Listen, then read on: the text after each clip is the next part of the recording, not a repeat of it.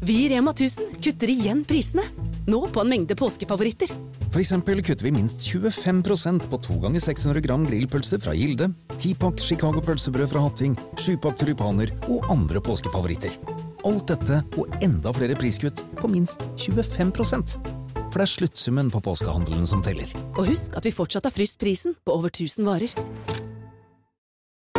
Disse frøoljene, eller seed oils, de popper opp i stadig flere og flere um, produkter i mathyllene. Og det er spørsmålet da om de er uh, i seg selv farlige, eller om de korrelerer med den maten som viser seg å skape mer psykisk og fysisk uhelse for oss.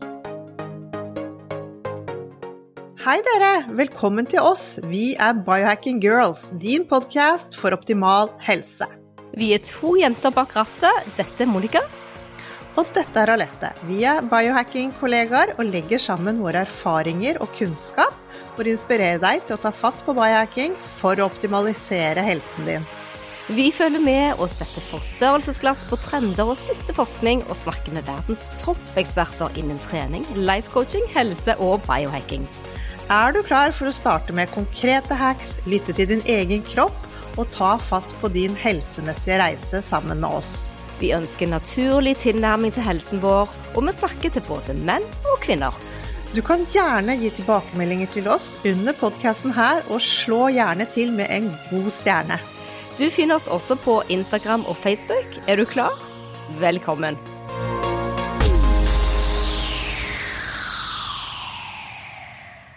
Vi gir oss ikke på dette med ultraprosessert mat og disse vegetabilske oljene. Dette er et utømmelig tema som vi må snakke mer om. Og nå har vi jo hatt dr. Kate Shanahan på podkasten. Hun er jo en av de fremste når det gjelder dette med de vegetabilske oljene. Så vi fikk stilt, enda mer spørsmål. I dag har vi Simen på besøk, og han har jo vært hos oss før, og nå skal vi snakke litt mer med han. Simen Løseth er lege, og han har en fin blogg og skriver mye om vegetabilske oljer. Han har vært gjest hos oss før, og eh, det går an å gå tilbake og høre på episodene vi har hatt tidligere. Vi er veldig glad for en norsk lege som vil uttale seg, og som tør å ta ordet i sin munn. Så vi har både gått igjennom litt av Kates innhold, Kate Shannons innhold, men òg eh, fått litt oppdatert eh, kunnskap fra Simen selv når det gjelder vegetabilske oljer og ultraprosessert mat. Ja, så Vi kommer vel mer nå inn på dette med ultraprosesseringen enn det vi gjorde i forrige episode. At det er en sammenheng med at ikke, er, vi kan ikke bare skylde på oljene, det er Simen veldig nøye på. Vi må også se på at det faktisk er en sammenheng med at dette veldig ofte forekommer med den ultraprosesserte maten vi spiser. Ja, Simen deler gode tips på hva han gjør selv hjemme i familien sin. Han har en uh, supergrøt til datteren som jeg syns høres veldig god ut, har lyst til å begynne med selv. Ehm, hvilke tiltak han gjør når han går på restaurant, og hvordan han skal eliminere de oljene fra kjøkkenet sitt. Hvilke oljer som er gode å spise, og ikke minst hvilke han unngår. Ja, det er godt å få en oppsummering på det igjen. Eh, vi går også inn i eh, faktisk snakke litt om omega-3 og dette med rapsolje og Kates oppklaring i hvorfor vi tror rapsolje er så veldig mye sunnere enn eh, annen type vegetabilske oljer. Ja, for rapsolje det er jo den oljen som vi nordmenn bruker mest eh, av. Og det flasher både i reklame fra vakre åkre både i Norge og hele Skandinavia at det er norsk rapsolje, og den er kaldpresset. Så vi lar oss lure av markedsføringen. Så her har vi òg et lite dypdykk med Simen for å få avklart hvordan denne virker på oss i det hele tatt. Vi snakker òg om flerumettede og eh, enumettede fettsyrer og mettet fett, og hvordan de jobber i kroppen vår og påvirker alt på cellenivå. Eh, de ustabile og de stabile oljene.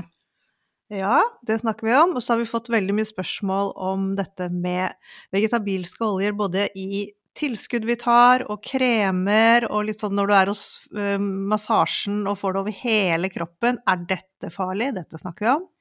Så hvis du er en av de som bruker kremer og har funnet ut at du har rapsolje i kremen din, så er dette en episode du vil lære litt av òg. Og ikke minst dette med hvordan solen Nå går vi en lysere tid i møte, så vi blir mer eksponert for sol, og hvordan solkremer eh, påvirker oss, og hvordan eh, eventuelt eh, ingrediensene der ligger og steker ned i huden. Ja, så vi får bare ønske Simen Løseth velkommen til podkasten vår. Og velkommen til alle lyttere til Biohacking Girls, din podkast for optimal helse. Hei, Simen. Det er så hyggelig å se deg igjen. Hvordan går det med deg? Nei, her eh, går det bra. Ruller og går. Hyggelig å være tilbake hos dere. Ja, har du fått uh, mye henvendelser etter du var gjest hos oss første gang på podkasten? Ja, det har vært noen uh, Det har vært litt sånn uh, smågreier her og der. Eh, det, har vært, eh, det har vært litt moro, det. Du var jo gjest hos Anette Dragland òg, etter du hadde vært hos oss. Det var jo stas. Stemmer det. Det var eh, også veldig trivelig. Ja, vi må alle spre det, det glade budskap om disse vegetabilske oljene. Så det er kjempefint at eh, flere og flere hører på oss. Du, vi ønsker deg velkommen fordi vi har akkurat hatt Dr. Kate Shanahan på podkasten, og vi trenger å snakke litt med deg om eh, ny runde på tanker og teorier rundt hva disse vegetabilske oljene og ultraprosessert mat gjør med oss. Men først og fremst, hva er din relasjon til Dr. Kate Shanahan og hennes bøker? Jeg har jo kanskje først og fremst eh, lest en del blogginnlegg hos henne, og så dukker hun jo opp eh, diverse steder eh, rundt denne her, eh, hva skal vi kalle det, litt sånn kontroversielle debatten rundt eh, vegetabilske oljer. Så jeg har på en måte lært eh, mye i noen slags drypp, da, her og der. Jeg har ikke hatt gleden av å lese bøkene enda, men eh, det er jo en, noen bøker som står på min leseliste. Hun har jo en utrolig fin blogg. Det er jo veldig, veldig mye informasjon der, så det Ja, så får man ta de bøkene i tillegg. Hun begynte podkasten med å snakke om at hun skal komme nå med en ny bok i mai, faktisk, så det gleder vi oss veldig til. Og vi snakket en del om dette at hun, hun føler at hun hele tiden blir kneblet, at folk vil lukke munnen hennes når hun driver med dette budskapet som hun har holdt på med i veldig mange år nå, som da hun mente den nye boken, da, da er det ingen som kan stoppe henne lenger. Så dette gleder vi oss til. Hvordan syns du det er i Norge? Føler du, som tør å stå frem og snakke, at folk vil, vil at du skal slutte med det? Eh, Jeg har ikke opplevd det enda. Mm, Nå har jeg kanskje ikke det største publikummet i Norge eller i noen verdenssammenheng, men det får vel tiden vise. Jeg føler meg sånn helhetlig trygg på at eh, det jeg sier er eh, riktig, og føler at jeg står bak eh, eh, forskning i tillegg til, hva skal vi kalle det, litt den logiske, historiske eller evolusjonsmessige tilnærmingen til materialer når vi sånn helhetlig tenker at disse Eller vet at vi på en måte har brukt disse oljene i maten vår i rundt 100 år, da. Og da tenker jeg at det er ganske lurt å bare ta et steg tilbake og spørre seg om, om det egentlig er riktig å bruke så mye av disse oljene. Og jeg, jeg savner jo på en måte den eh, litt, hva skal vi si, en sunn skepsis til det, da. Det, de har jo på en måte bare blitt eh, omfavnet eh, og glorifisert som et bedre alternativ til fette oljer som vi på en måte har spist i flere hundre tusen år, da. Så det er jo da Ja. Det er ikke så lett. Jeg likte veldig godt tittelen på boken til eh, Chris von Tolligan eh, på engelsk, som heter Ultra Processed People. For den eh, ultraprosesseringen, den handler jo ikke bare om mat, men det handler jo om livene våre og teknologisk utvikling, og at vi har blitt veldig fremmed for det som er naturlig for oss. Så vi vet jo ikke konsekvensen av noen av de tingene som ultraprosesseres rundt oss. Nei, det er jo Jeg kaller det en av prøveprosjektene på menneskerasen. Dette her, eh, den maten som nå i ganske stor grad eh, begynner å infiltrere eh, kostholdet vårt, og flere og flere spiser jo majoriteten av sine kalorier fra ultraprosessert mat. Når man ser litt sånn historisk på det, da, så er det jo veldig mange av disse større tobakksselskapene som kjøpte opp matindustrien og da på noen, noen tiår tilbake og brukte en del av de teknikkene som de hadde lært om hvordan man skal få i seg mer, kjøpe mer eh, og bruke mer eh, på kortere tid.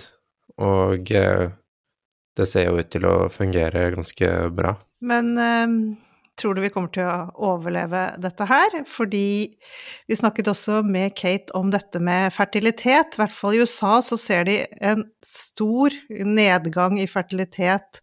Og, og dette med at kvinner har kjempestore problemer med å bli gravide nå. Og hun kunne jo se da en selvfølgelig en sammenheng mellom maten vi spiser og at dette nå skjer. Så ja, vi har en jobb å gjøre her. Det er veldig mange ting som skjer uh, samtidig her, da. Bare det at uh, pga. den økte mengden av ultraprosessert mat, det korrelerer jo også med en generell vektøkning, og det å være overvektig i seg selv, det disponerer jo for kvinner til eh, PCOS, som i seg selv er koblet veldig opp mot infertilitet for kvinner, og for menn så er det jo, ser man jo også veldig korrelasjon med dropp i testosteron, og der ser man jo en årsaksforklaring, i hvert fall en av de, hvor fettceller produserer jo dette enzymet aromatase som konverterer testosteron til østradiol og så videre igjen til østrogen. Så det er på en måte skal vi skifte ratioen i favør kvinnelige kjønnshormon for menn. Det er jo bare Nå har jeg bare nevnt to ting som man har en eller annen slags forklaring for, men det er jo så mange parallelle mekanismer og uh, sykdomsprosesser som skjer når vi nå forlater litt den naturlige maten til fordel for industrialisert, uh, i mangel på bedre ord, drit, da. Ja, selvfølgelig. Det er jo veldig mange faktorer som har kommet på én gang, og det var det som du sa i sted med dette ultraprosesserte mennesker som vi rett og slett er blitt, så er jo, vi kan ikke bare skylde på oljene. Kunne vi startet med en liten sånn begrepsavklaring, for det, vi har veldig lyst til å få med oss alle lytterne så de skjønner de forskjellige oljene og uh, alle de begrepene som vi slenger ut her hele tiden, som inkluderer mest mulig. Kunne vi startet med det vi kaller for UPF? Altså UP-mat, ultraprosessert mat. Hva er en enkel forklaring på det, Simen? Altså ultraprosessert mat, det er jo kanskje en av de lettere forklaringene på det, vil jeg si at det er mat som ikke lenger ligner på sitt opprinnelige utgangspunkt. Altså man driver og grupperer den, altså maten, i hvert fall i forhold til denne NOVA-klassifiseringen, så uh, klassifiserer man det i, i, fire kategorier. Og så er den kategori fire er den på en måte ultraprosessert uh, mat. Og hvis man tar et eksempel uh, som mais, da. Hvis man plukker mais, så vil det være i kategori én, altså, altså da uprosessert eller mini, minimalt prosessert. Og så hvis man da f.eks. skulle salte maisen, eller hermetisere den, eller steke den for den saks skyld, så har man jo i en eller annen grad prosessert den. Men det betyr ikke at det er farlig, på en måte. Det, det er fortsatt Maisen er fortsatt eh, sitt opprinnelige utgangspunkt. Det er når man kommer til kategori fire, da, hvor man f.eks. tar maisen og eh, raffinerer den, altså finkorner den, og blander den med f.eks. Eh, potetstivelse, sukker, salt eh, og kanskje en del andre ting som vi ikke har på kjøkkenet. Og da kan man jo til slutt lage ostepop, som ikke lenger er Altså, ostepop ligner ikke lenger på mais, men det har mais eh, i seg.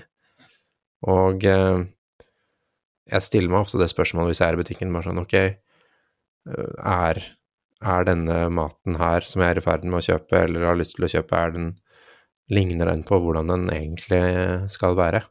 Det er jo én ting. Og så som regel, når er maten ultraprosessert, og når er den ikke det?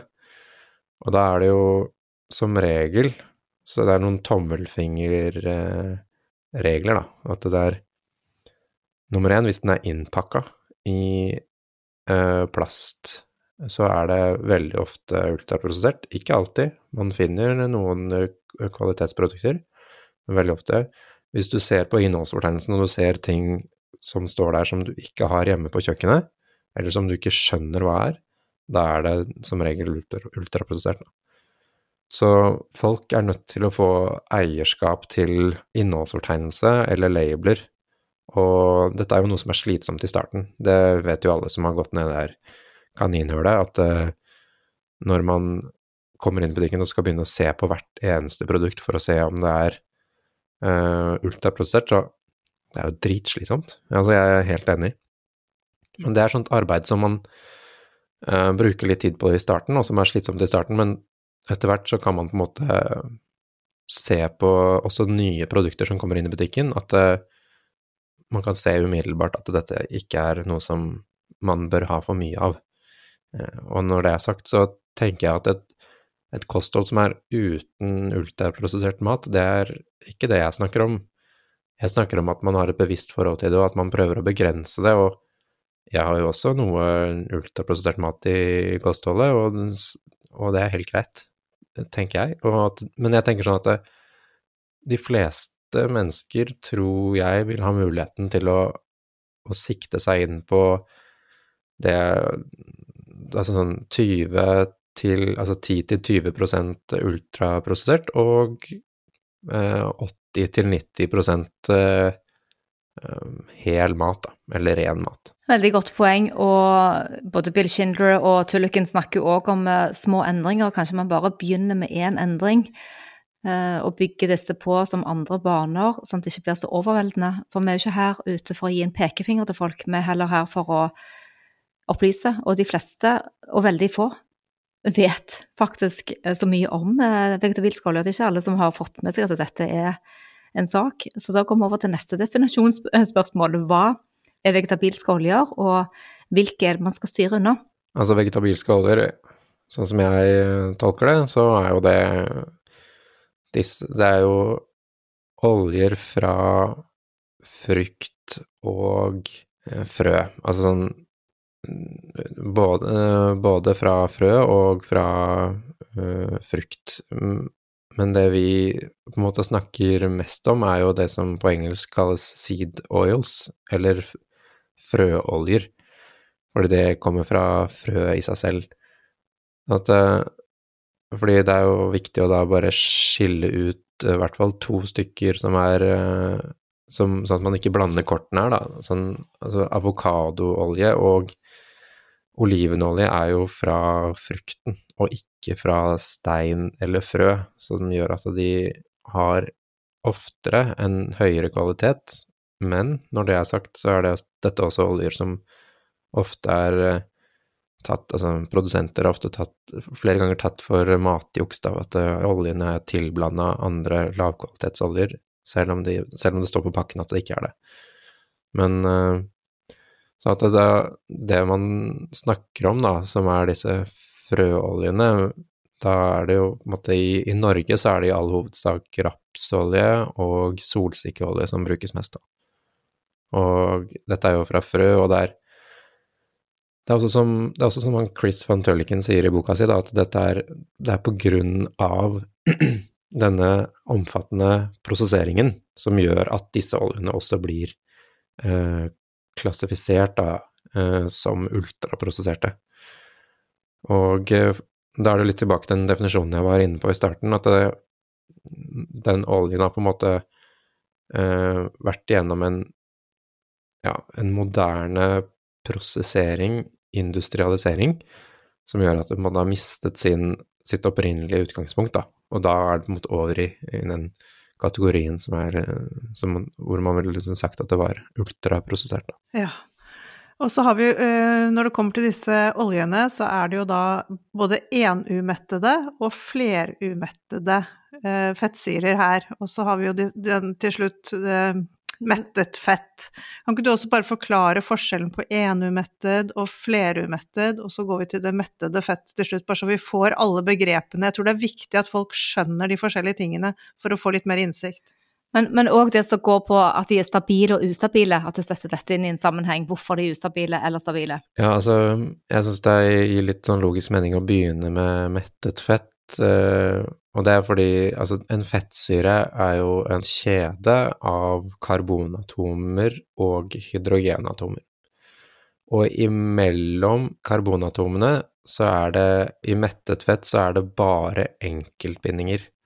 Og dette er lettere å på en måte forstå hvis man bare gjør et lite Google-søk, og så ser på strukturen på eh, Google Images eller noe sånt, for å liksom Da gir det litt mer mening. Da ser man at mellom karbonatomene så er det kun enkeltbindinger.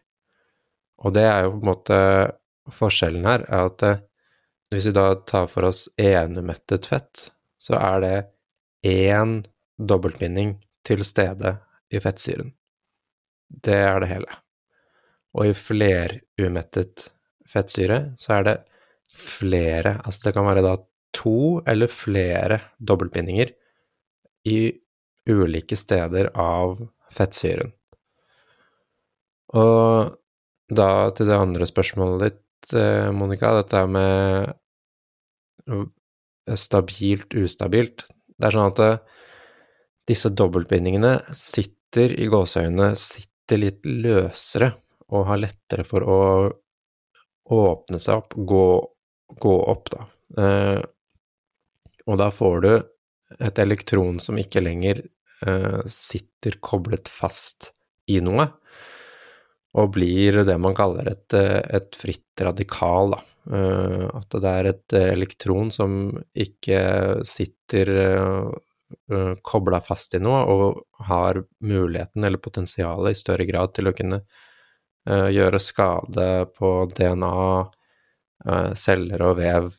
Og det er jo på en måte noe av det som er salgspitchen til antioksidanter, at man skal prøve å få i seg noe som uh, jobber imot uh, dette som blir kalt oksidativt stress, da. At det der uh, At disse holdt på å si frie elektronene, ikke helt frie, de er delvis koblet på, da, men at de har, kan gjøre oksidativ skade. Og da og det som er greia med da metafett, når du legger det i, i panna eller når du spiser det, så, så, er det på en måte ikke noen dobbeltbindinger som kan uh, gå opp.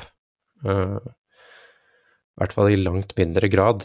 Og, uh, og da har man også et lavere potensial til å skape frie radikaler, og lavere potensial til å gi oksidativ skade, da. Så det oksidative stresset blir lavere for celler og vev. Så det betyr i teorien at uh, inflammasjonen øker når man får i seg for mye av de ustabile oljene? Det er i hvert fall teorien.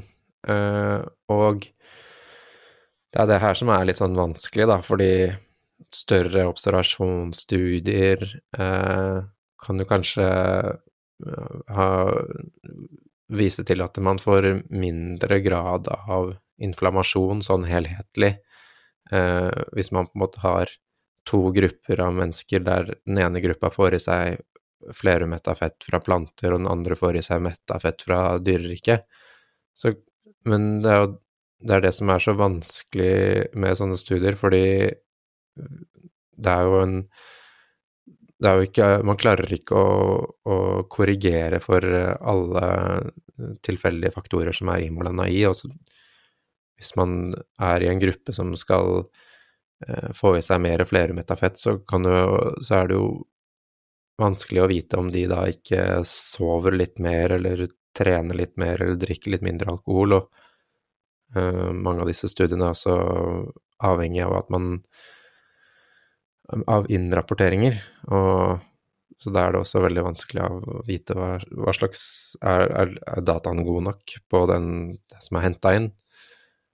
Og ja, det er i hvert fall sånn helhetlig Selv om jeg ser en del større studier og metaanalyser og sånn som viser at det er en del fordelaktige parametere på det å Når grupper får i seg flerumetta plantefett, så ser jeg liksom på de eh, randomiserte, kontrollerte studiene som er gjort på mennesker, når man ser på de eh, enkelt hver for seg, så uh, peker de i retning at disse oljene fortsatt er skadelige for oss mennesker, og også særlig at de øker uh, sannsynligheten for hjerte-kar-hendelser.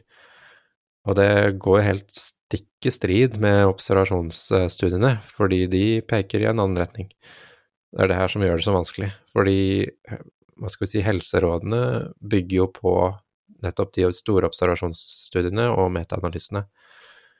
Og det er sånn eh, man, det er jo veldig, sikkert veldig forskjellig hvem eh, når, altså, av deres publikum som eh, liker han Paul Saladino. Det er sikkert veldig variert eh, hva de tenker om han, men det er ikke så lenge siden, en, kanskje en to måneder siden, hvor han hadde en, en gjennomgang av alle de randomiserte, kontrollerte studiene som er gjort på mennesker, og pekte ut vesentlige feil og mangler i eh, flere av de, som i sum gjør at de metaanalysene, altså de samlede, samlerapportene på de studiene, ikke er korrekte når man da luker ut de studiene som ikke er gode nok.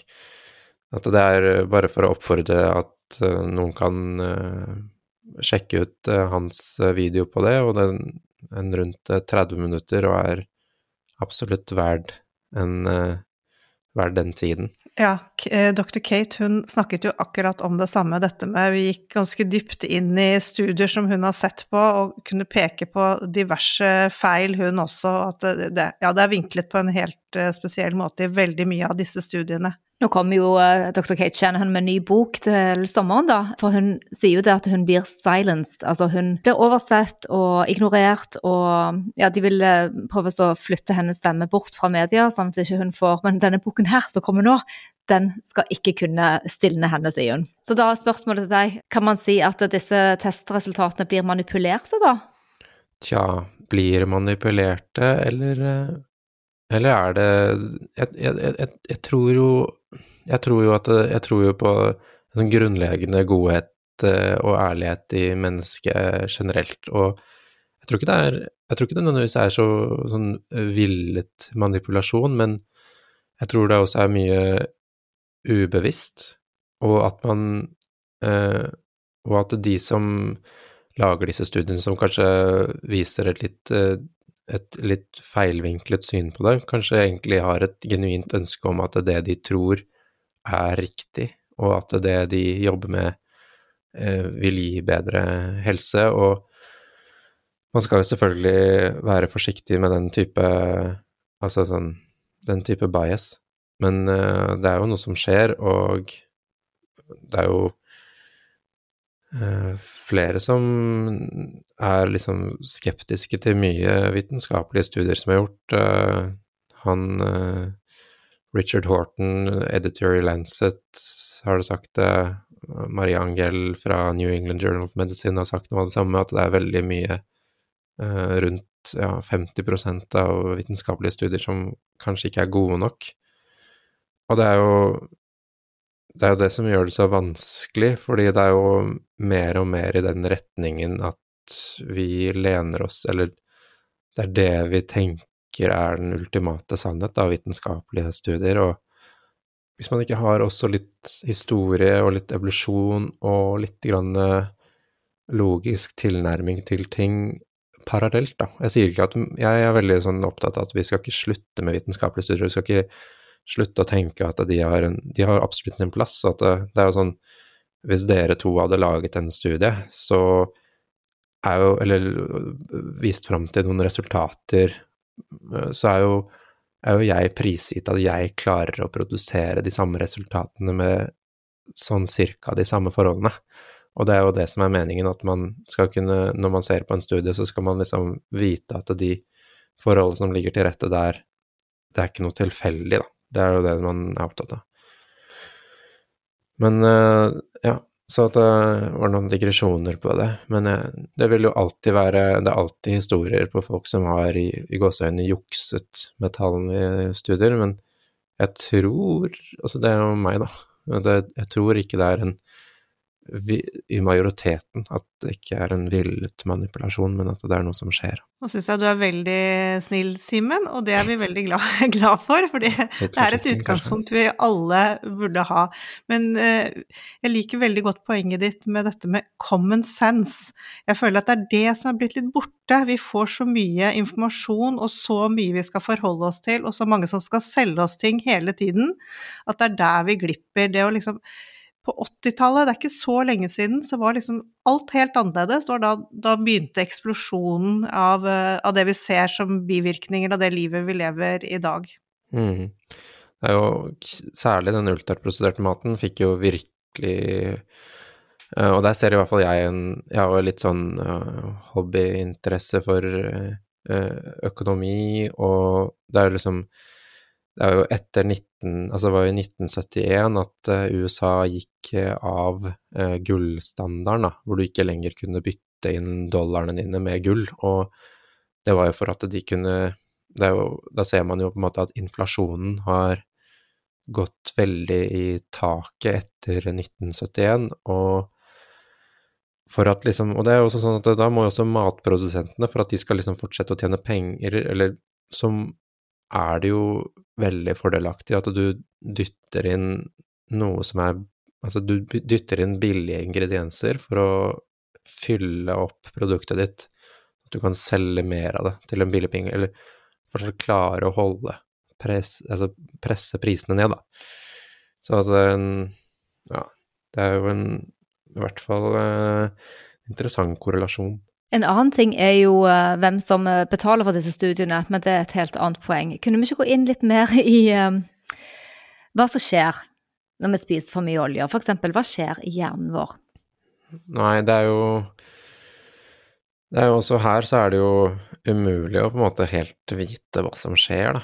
Det er jo Kan jo på en måte ikke åpne hjernen og så se at uh, ja, nå Her ser vi det.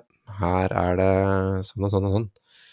Man må jo på en måte lene seg på eh, korrelasjonsdata og teoretisk grunnlag her også. Det, det, er jo sånn I hvert fall det man ser, da. Uh, forbruk av ultraprosessert mat, og, og da og, og, da også disse oljene, fordi det er det som er så vanskelig bare for å ta en liten avstikker her, at disse oljene de dukker opp i så mange av de ultraprosesserte produktene.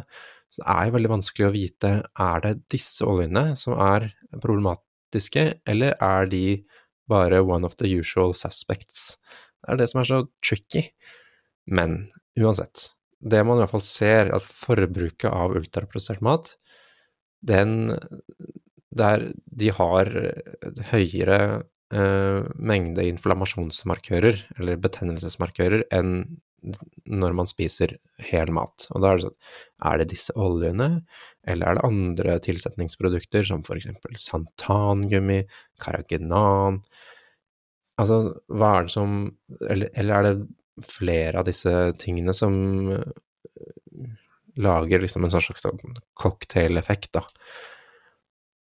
Og det er sånn og man ser jo også at høyere Altså ved vektøkning, altså jo mer vekt mennesker går rundt med til enhver tid, jo større sannsynlighet er det for at man har økte konsentrasjoner av betennelsesmarkører som CRP og enkelte sånne interleukiner som er assosiert med betennelse.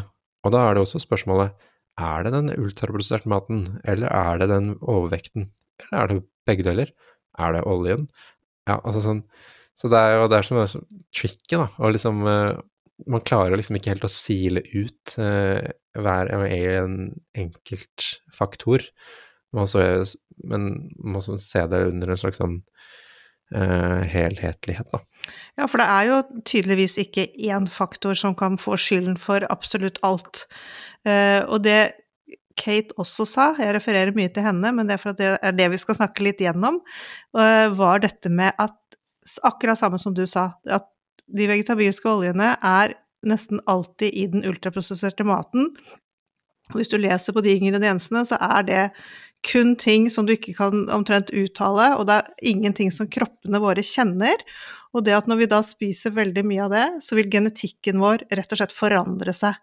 Og hva, hva er konsekvensene av det? Hun mener jo at veldig mange av de som vokser opp nå, som blir eh, tykke veldig tidlig av barn og sånne ting, at det er pga. genetikken blir forstyrret av denne maten vi spiser. Hva tenker du om det, Simen? Nei, det er jo fristende å hive meg på den hypotesen. Jeg, jeg må jo bare legge til at det, de genetiske faktorene kan ikke jeg så veldig mye om. Altså, det er veldig, veldig viktig for meg å være tydelig på det jeg kan litt om, og det jeg ikke er så stødig på. Men jeg kan Jeg, jeg har veldig lyst til å være med og, og tygge litt på dette. Det er i hvert fall sånn også en digresjon, da, dette med epigenetikk, det vil si at uh, gener skrur seg av eller på. Det kan man også Det tror man også at det har, et, har en viss uh, arvelighet. Man har jo sett noen studier på mus der de og dette er jo mus og ikke mennesker, men, så man må ta det for det det er. Men det er nå i hvert fall en viss likhet med mus og mennesker. Det, hvor man har utsatt de for elektrisk støt eh, eh, koblet til en eh, viss lukt. Og eh, etter hvert så er det sånn pga. grunn av conditioning at eh, når man bare gir dem den lukten, så blir de automatisk redde, fordi de assosierer den lukten med, med støt. Og så ser man det at avkommene til disse musene de reagerer med økt eh, angst på den lukten som mødrene var eh, utsatt for. Altså, de, de, har på en måte arvet, arvet en, eh, en, frykt for en lukt som de egentlig ikke har et, et, en fysisk kobling til, da. Så ser man også på mennesker hvor det er avkom av mennesker som har eh, vært utsatt for eh, hva skal vi si, forferdelige hendelser som, som krig og, og, og, og, lignende, at de har en økt, hva skal vi si, en beredskap.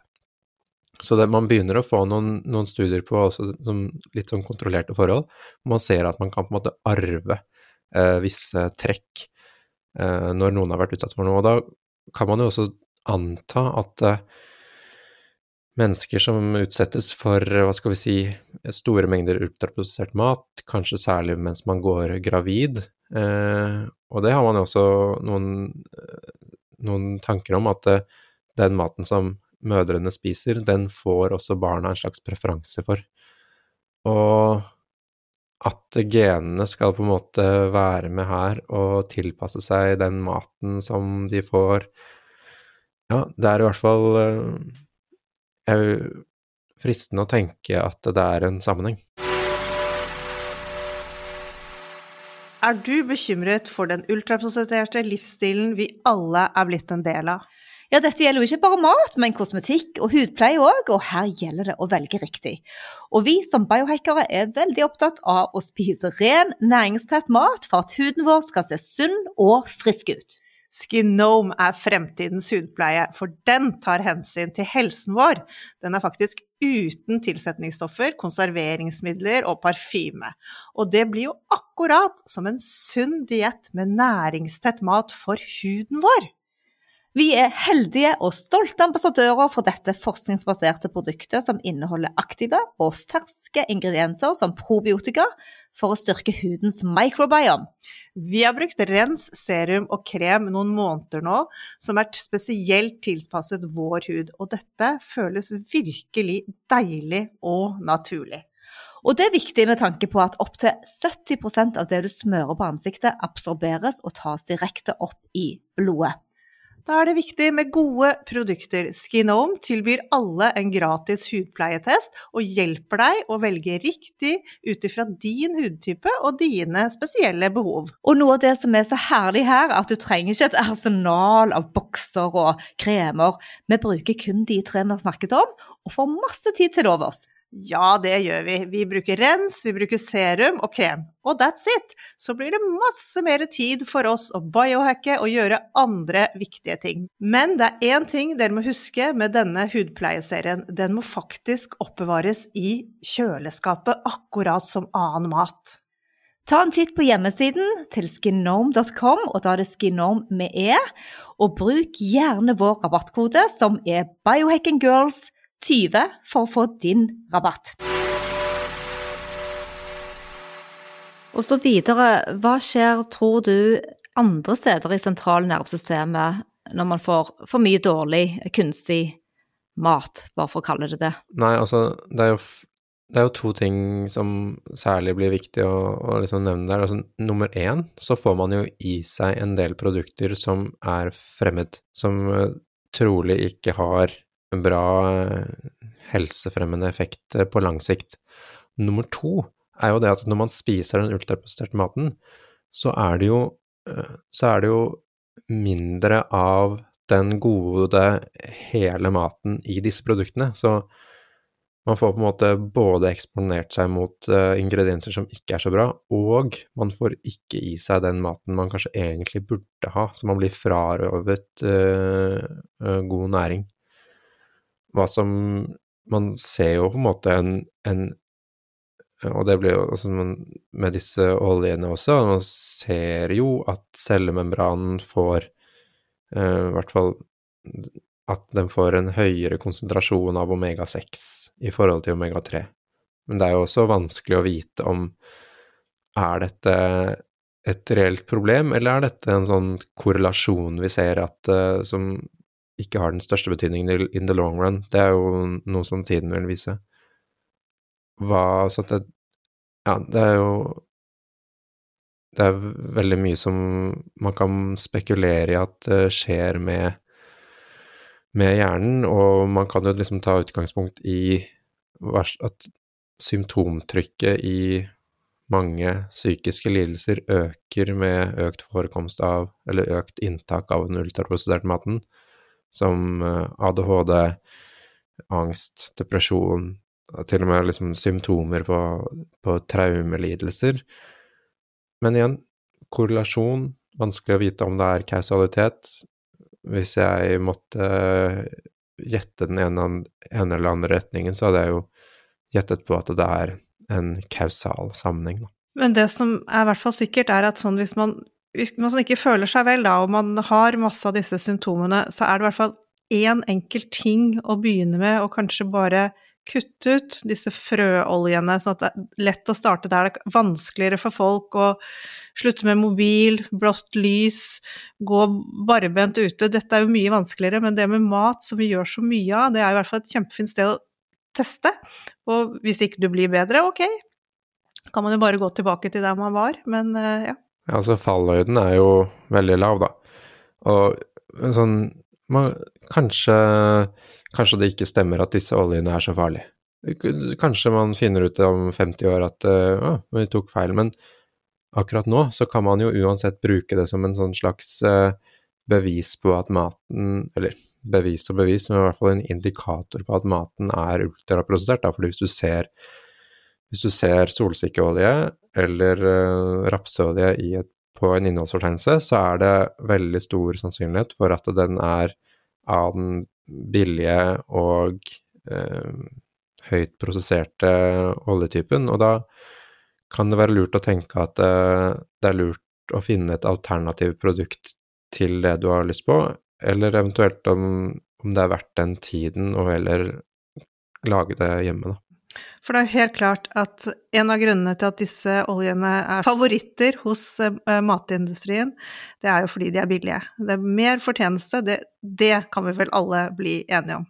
Mm, og så ser det ut til at de kan få lengre holdbarhet, og at de kan stå lenger på en butikkhylle uten at de trenger å, å byttes ut.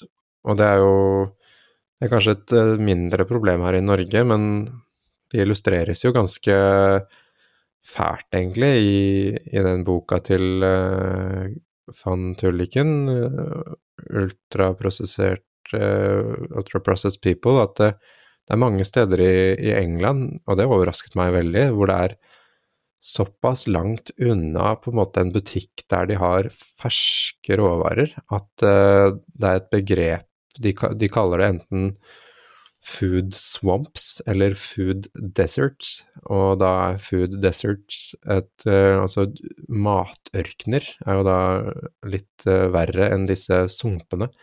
Altså det er en overført betydning, da, hvor det hvor du hvert Jeg tror det var noe sånn som at du i hvert fall var 15 minutter med kollektivtrafikk unna uh, en, en, butikk som solgte på en måte fersk mat, som da kjøtt, fisk, Eh, og, og grønnsaker. Og da, da står du igjen da med Hvis du bor i områder som det ikke er tilgang på ordentlig mat, da står du igjen med den innpakka, ferdig ultraprosesserte maten med masse oljer som kilden til din ernæring, og da og det er jo også veldig høyt kobla inn eh, Altså veldig høy korrelasjon til de som er uh, viktige. Da. Tilbake til common sense, som du snakket om. Vi hadde iskrem på søndag, og når jeg leste ingredienslisten på iskrem Jeg smakte litt på den, men det er jo trist når du ikke kjenner igjen det som står på baksiden, og du kan ikke relatere det til noe i oppveksten din, eller noe du har lært i heimkunnskapet, eller i det hele tatt i studiene dine, sant? hvis du er mer avansert. Jeg har en kusine som bruker Osempic. Hun har gjort det i et år uh, fordi hun har veldig høy BMI og har noen uh, ja, diagnoser som er alvorlige. Hun har blitt mye, mye bedre, og BMI-en har blitt bedre. Men det var først de tre siste månedene etter hun sluttet med vegetabilske oljer, etter at du sist var på podkasten vår, at hun merket at det som, het, som heter nevropati i tynnfibernervene under føttene, ble borte. Og hun kan si det sånn at uh, hun merket det ikke på Osempic, men de tre siste månedene når hun har sluttet med alle oljer. Har du noen tanker der? Nei, det er det var uh, interessant. Du forteller vel også at hun har gått ned en del kilo uh, i forkant av, da. Så det er jo litt Det kan jo hende at det er at det er de kiloene som hun har mistet som nå At det korrelerer også da med at hun har begynt å ta litt tak i disse oljene. Uh, kanskje det er en kombinasjon av de begge tingene. Uh, jeg kan ikke huske å ha hørt om noe lignende tidligere. Og for mange så kan jo Osempic være en veldig sånn uh, en god start, og, eller en viktig start for å komme i gang. Men vi må ikke Ja, det er Man må bruke det for det det er, og det er jo mat og livsstil som er uh, kjerneproblematikken her. Helt klart, og det er faktisk en gruppe nå der hun bor, uh, i Stavanger, som skal gi henne oppfølging på trening og mat, for hun skal trappe ned nå etter hvert. Hun har fått en veldig bra BMI, og det var akkurat det. Hun har brukt denne medisinen helt riktig. Så, men hun kan ikke helt selv forstå om det er oljene, eller om det er Osempic som har um, ja, gitt det gode utfallet på, på smertene hun hadde i beina. Så det er jo òg tilbake til common sense. Sant? Eh, vi ønsker oss jo tilbake til naturen, vi ønsker å spise gode råvarer. Og jeg tenker litt på det Chris von Tulliken sa, at eh, bare du spiser et eple eller et kjøttstykke i England, så er dette bra. Vi er jo bedre stilt i Norge, tross alt.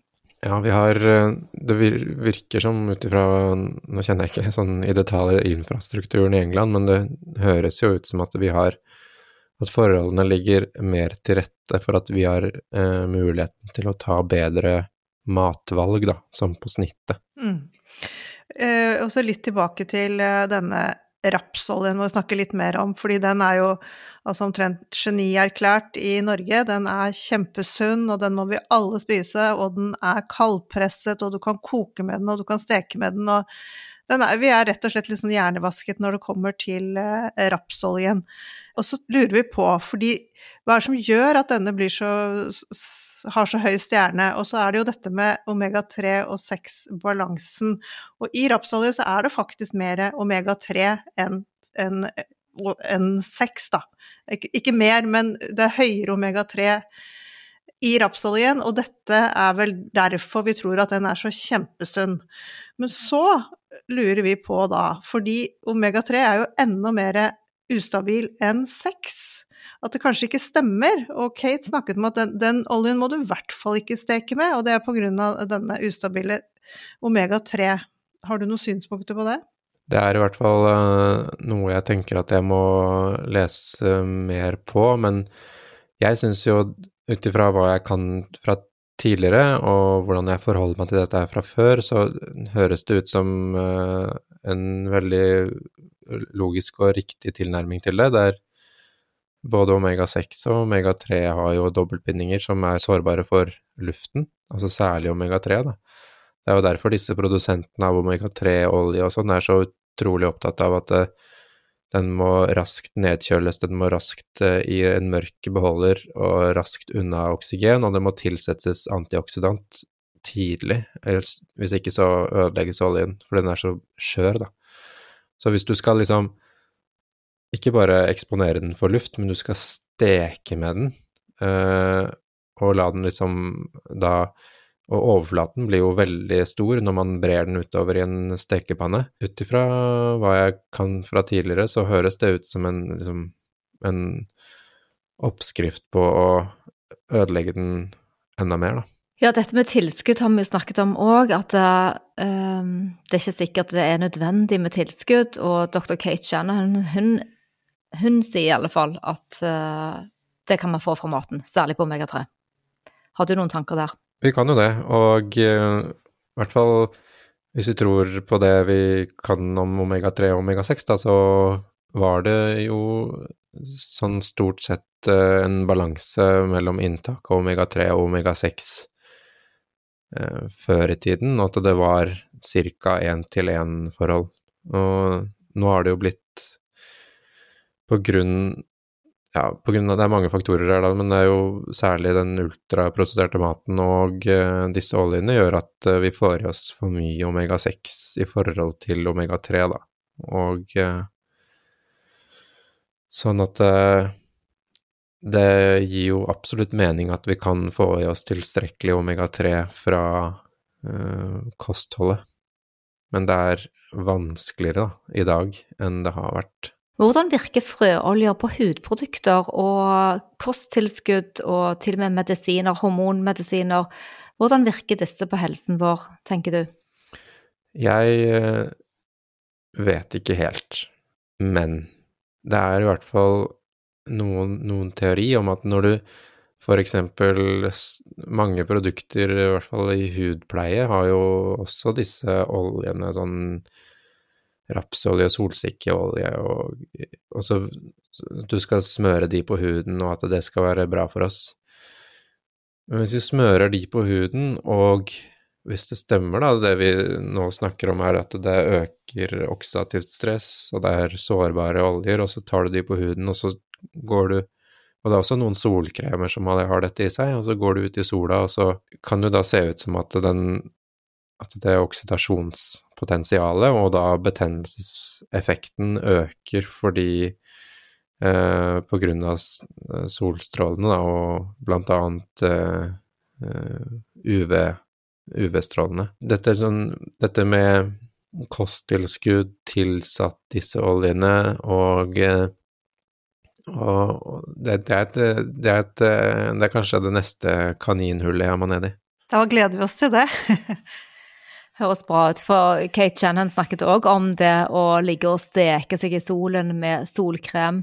At du Ja, det, det sier seg sjøl hvordan eh, bindingene blir, eller uh, forbindelsen uh, oksiderer da uh, i oljene. Det blir jo som å steke en biff, huden vår. Det høres ikke så bra ut. Nei, jeg, jeg tenker sånn jeg, jeg det, det, blir jo kanskje en Det er jo et eget, et eget tema i seg selv, men dette med solen jeg, Altså, solen er også blitt demonisert uh, i, i, stor grad, og den eneste gangen du kan være ute i sol, da må du huske å smøre deg med solkrem, sånn at du kan være der mest mulig. Det, jeg tenker det blir en sånn opp-ned-motsatt approach. Jeg jeg ser på solen mer og mer som en, som en ting vi trenger uh, jevnlig påfyll av. Og uh, Men jeg, jeg, tror at uh, Og det er, også, også noe av grunnen til at vi har Eller det er noen av tankene rundt seasonal depression. At det er mangel på sol. Men jeg tenker at tilnærmingen der har jeg, i hvert fall for meg vært i de senere årene, at jeg, jeg, jeg går ut i sola uten solkrem, er der øh, i noe tid til jeg merker at uh, nå har jeg i gåseøynene fått for mye, og så, og så, søker jeg skygge eller tar på meg klær. Og prøver å unngå solkrem, i hvert fall de uh, billige som man får på butikkene. og og heller, eh, hvis jeg må bruke solkrem, så har jeg skaffet en sånn uh, sinkbasert uh, talgsolkrem, uh, hvor de eneste ingrediensene er talg. Er det noe kokos uh, for parfyme og og sinkoksid, da, som er det produktet som på en måte gir beskyttelse fra solen. I Deep Nutrition-boken til Dr. Kate så har hun ti råd til oss som vi kan begynne å følge for å få et mer eh, helsesamt liv. Og første hun da vil at vi skal gjøre, er jo å kutte ut disse vegetabilske oljene. For eller imot? absolutt for. I tillegg så ønsker hun at vi skal kontrollere karbohydratene, de raffinerte eh, kornproduktene og sukker. Absolutt. Det høres eh, riktig ut. Neste, neste punkt er det at hun vil at vi skal gå bort fra å kjøpe lettprodukter, eller dette med, som senker kolesterolet vårt, og alt som er fettfritt av mat. De er absolutt enig. Som regel er de ultraprosesserte. Jeg for min egen del bruker jo kremfløte i nesten alt, og det er også den billige kremfløten når du kjøper den store. Spis smør, egg, eh, ost og drikk eh, hel melk. Definitivt. De varene du nevnte er eh, noe av det jeg bruker mest. Noe er alltid tilgjengelig i kjøleskapet. Spis grønnsaker, gjerne med fett, salt og noe som er litt sånn syrlig. I tillegg. Det høres også veldig riktig ut. Jeg har også en tilnærming der jeg prøver å heller spise de grønnsakene som har frø i seg, det vil si type tomat, agurk, squash, eh, eple eh, altså, Fordi dette er jo varer som Altså, dette er jo deler av planten som ønsker å bli spist for at frøene skal spres videre, og så prøver jeg å begrense det, disse grønnsakene sånn type røtter og blader, ja, litt fordi det er Ser jo ut som at det, det er jo et annet tema, da, dette med antinæringsstoffer, men at det er litt mer antinæringsstoffer i de, og prøver å begrense. Men, men sånn helhetlig eh, av et råd, så hørtes det veldig fornuftig ut. Og det er nok det som er bakgrunnen til eh, dr. Kate òg, hun eh, proklamerer et av disse rådene. Og videre å spise mer grønnsaker enn frukt. Jeg ville kanskje I hvert fall der hvor jeg er nå. Det kan jo hende at jeg endrer mening når jeg blir for nye eh, data, men der hvor jeg er nå, så lener jeg meg heller mot frukt enn grønnsaker, og litt da med dette som vi var inne på, med common sense, evolusjon, hva er det vi har spist mest opp igjennom, da lener jeg meg mer mot at frukt er riktigere, i gåseøynene. Altså ja takk, begge deler, men for meg mer frukt enn grønnsaker. Det er helt lov å ikke, å ikke, være enig. Neste punktet er at hun mener at vi må slutte å spise proteinpulver, få dette fra hel mat istedenfor. Jeg tenker det er en veldig riktig tilnærming. Altså, proteinet bør komme fra mat i seg selv. Og eh, dette har jo også mye å si et annet tema i og for seg. Dette er jo det med, med, med, med tygging. At eh, vi som art tygger litt for lite, og at det, vi får dårligere kjeveutvikling, dårligere plass til tenner flere og flere mennesker har eh, søvnapné fordi de ikke har plass til tunga si. Men eh, så at jeg er helt eh, enig i at proteinene bør helst komme fra mat. Men hvis man ikke klarer å få i seg nok protein, og bruker det som et supplement, så i noen settinger så vil jeg absolutt forsvare det. Men som hovedregel at det kommer fra maten, ja. Det er helt enig. Jeg bruker litt eggehviteprotein uh, som supplement. Ja, jeg er helt enig. Jeg snakket med faktisk uh, en person i går som sa at det var uh, at hennes frokost den var sånn overnight grøt. Og så spør jeg meg hvor er proteinene? Nei, det var ingen proteiner. Men hun klarte ikke å gå unna det, så sa jeg da ville jeg faktisk brukt proteinpulver i den grøten din for å få i deg det. Så det var, ja.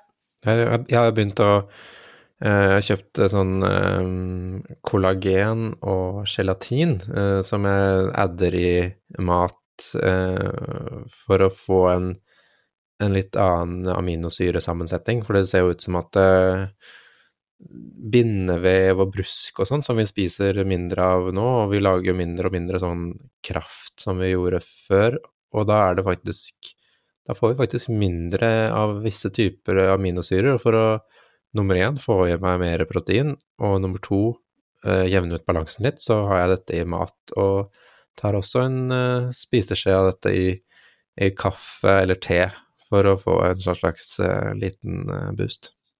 Kjempegodt uh, hack der. Og da er vi inne på en annen favoritt. Uh, A brought a day keeps the doctor away. Altså kraft, god gammeldags kraft, det er jo næring å drikke. Mm. Lager du det selv? Jeg har gjort det noen ganger. Uh, men det er jo liksom sånn i tidsklemma og kanskje i mangel på gode benprodukter, så får jeg jo ikke gjort det så ofte. Jeg skulle gjerne gjort det oftere, men Så det er jo noe av grunnen til at jeg har gått til innkjøp av kollagen og gelatinpulver for å kunne skal vi få noe av egenskapene til kraften i hverdagsmat og drikke. Så kommer vi til punktet med probiotisk eh, mat. Hun har jo reist masse rundt og sett hvordan kulturer lever, og alle steder så spiser de da enten en form som fermentert type mat, enten i form av den kålen, kimchi, kefir, sånne ting. Så hun mener at det bør vi ha i kostholdet vårt. Ja, jeg eh, har jo en klassiker som jeg alltid har, eller produkter som vi ofte har hjemme, da. Det er jo cottage cheese eller uh, gresk yoghurt. Um, og jeg har jo også sett veldig mye på dette her med at uh, tarmflora-kvaliteten øker hos de som jevnlig får i seg disse produktene. Så at jeg tenker at det er, det er noe som jeg kjenner på egen kropp, og som jeg har tro på at veldig mange andre kan ha, dra fordeler av. det. Så flott, eh, Simen. Og da må vi få dine tanker på det siste punktet på Kates liste, og det handler om noe som vi òg må fokusere på, og det er trening og søvn. Ja, øh, søvn er noe jeg har øh, neglisjert i mange år, uh, og det er jeg jo i Det tenker jeg jo tilbake på som helhetlig dumt. Uh, og jeg har fått høre det fra samboer, blant annet, eh, at jeg underprioriterer søvn. Og det er jo noe som har kommet på min liste som, uh, som, jeg, som jeg prioriterer mer og mer. Og særlig etter at jeg har begynt å lese i boka til Matthew Walker, 'Why We Sleep'. og det er Altså, det er Jeg har fått en veldig økt respekt for søvn, da. Og det er jo i mange sammenhenger så kan det jo virke litt eh, nesten litt usexy å drive og, prioritere søvn, men det er jo nesten helt motsatt. At eh, de som er godt uthvilte, er jo eh, de som tar seg best ut. Og sånn at eh, i går så la vi oss faktisk klokka åtte. la oss eh, med vår eh, snart elleve måneder gamle datter. Så la oss samtidig. det føles eh, veldig godt dagen etter. Ja, det er ingenting som, ingenting er som å sove. Det er helt nydelig. Jeg var akkurat eh, inne i butikken, og jeg har voksne barn, så jeg har, har faktisk ikke sett Jeg går jo ikke i de hyllene lenger, men jeg var innom barnemat og spedbarn- og barnemathyllen på Meny. Jeg fikk rett og slett sjokk over hva, da, da, hvor, da, hvor, infisert denne ultraprosesserte og vegetabilske oljene er for disse små.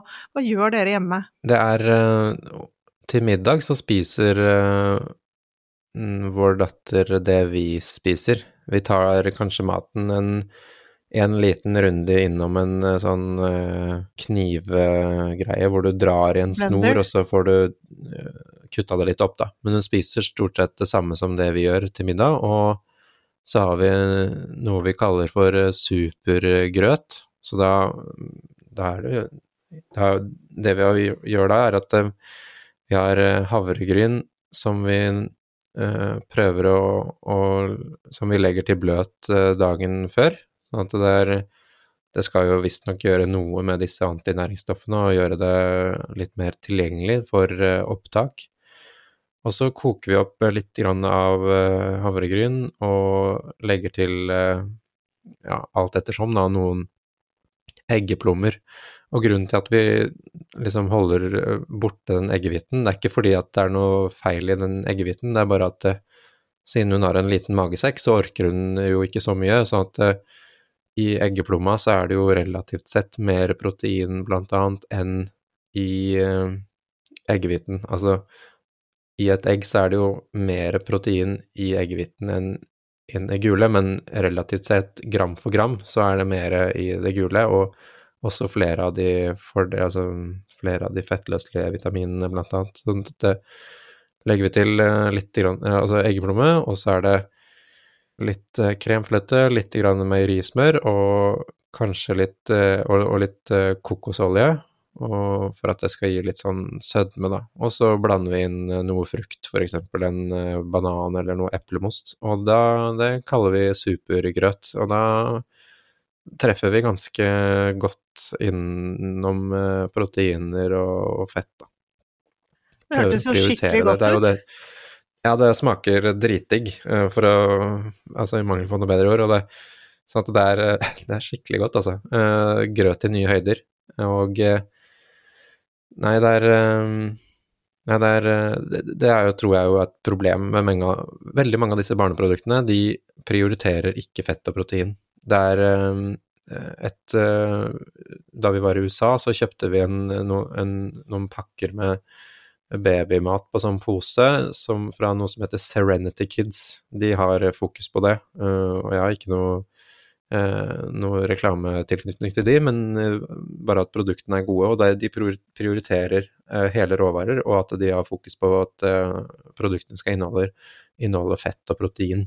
Eh, og det ser man jo veldig sjelden på mange av disse barneproduktene, at det bare er karbohydratpose. Ok, Simen, da er vi kommet til ende i denne samtalen vår. Men du kommer jo på Biohacking Weekend 2024 den 20. april.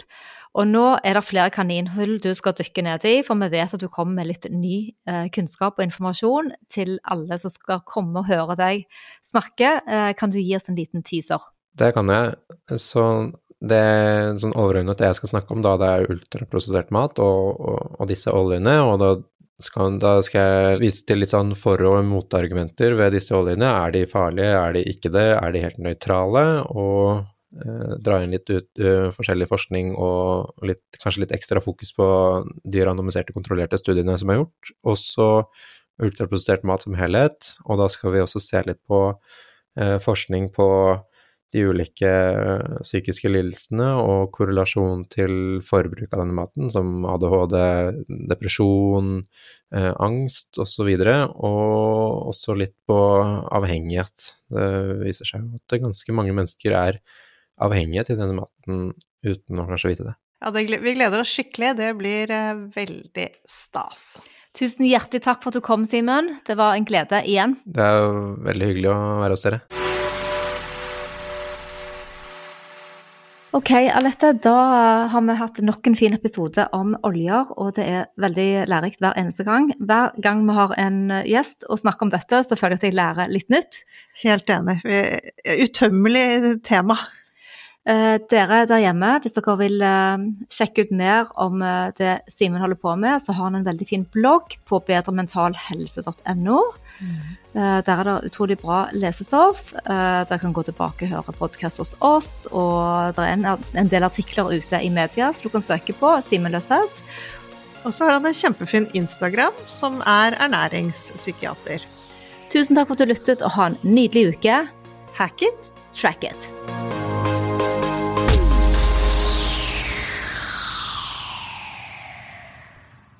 Vi minner om at dere må snakke med egen lege eller kostholdsveileder om dietter og andre spørsmål relatert til medisiner og supplementer. Informasjon vi deler kan ikke bli brukt til å diagnostisere, behandle, forebygge eller kurere noen sykdommer eller tilstander.